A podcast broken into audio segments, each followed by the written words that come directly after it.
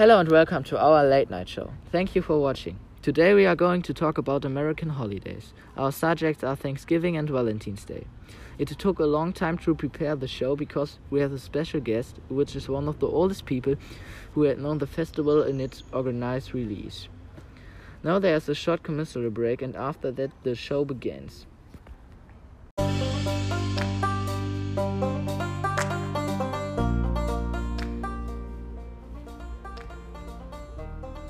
Bauhaus, when it has to be good. Yeah, yeah, yippee, yippee, yay.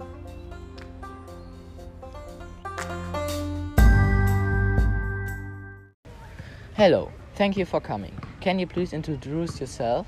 Hello, I'm Yukuri, and I'm 120 years old. My grandparents were real Native Americans, and I am a descendant of the Caddo tribe.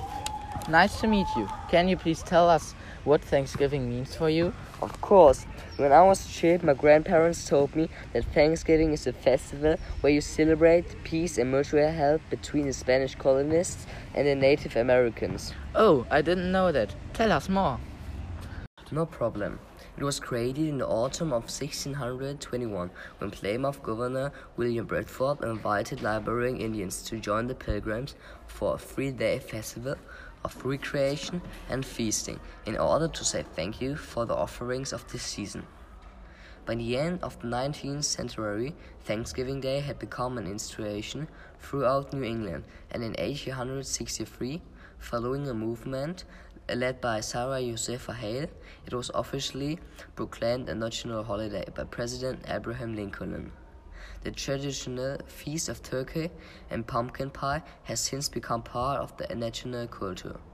1941 was the day switch where the feast was celebrated. It switched from the last Thursday of November to the third Thursday of November. Oh, there were a lot of information in there. I have to progress that first. If I understand it right, the feast means the peace and mutual help between the Caddo tribe and the Spanish colony. Yes, Thank- and um, you celebrate that with turkey and pumpkin pie. Oh, okay. Thank you for coming. Yeah, have a good day. Bye. Bye. Oh, there were a lot of information in there. I have to progress that first. If I understand that right, the feast mean the mutual help and the peace between the Caddo tribe and the Spanish colonies. Yeah, you're right. Thank you for coming. You're welcome. Goodbye. Have a great day. Goodbye. Our next guest will come in the next few minutes and he will tell us what Thanksgiving means for him. Ah, there is he. You can sit here. Thank you. Could you please introduce yourself? Of course.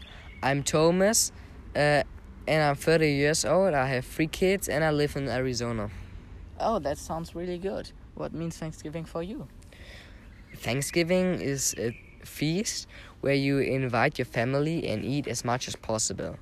Normally, we eat turkey with pumpkin pie, but sometimes we also eat vegetables and fruits.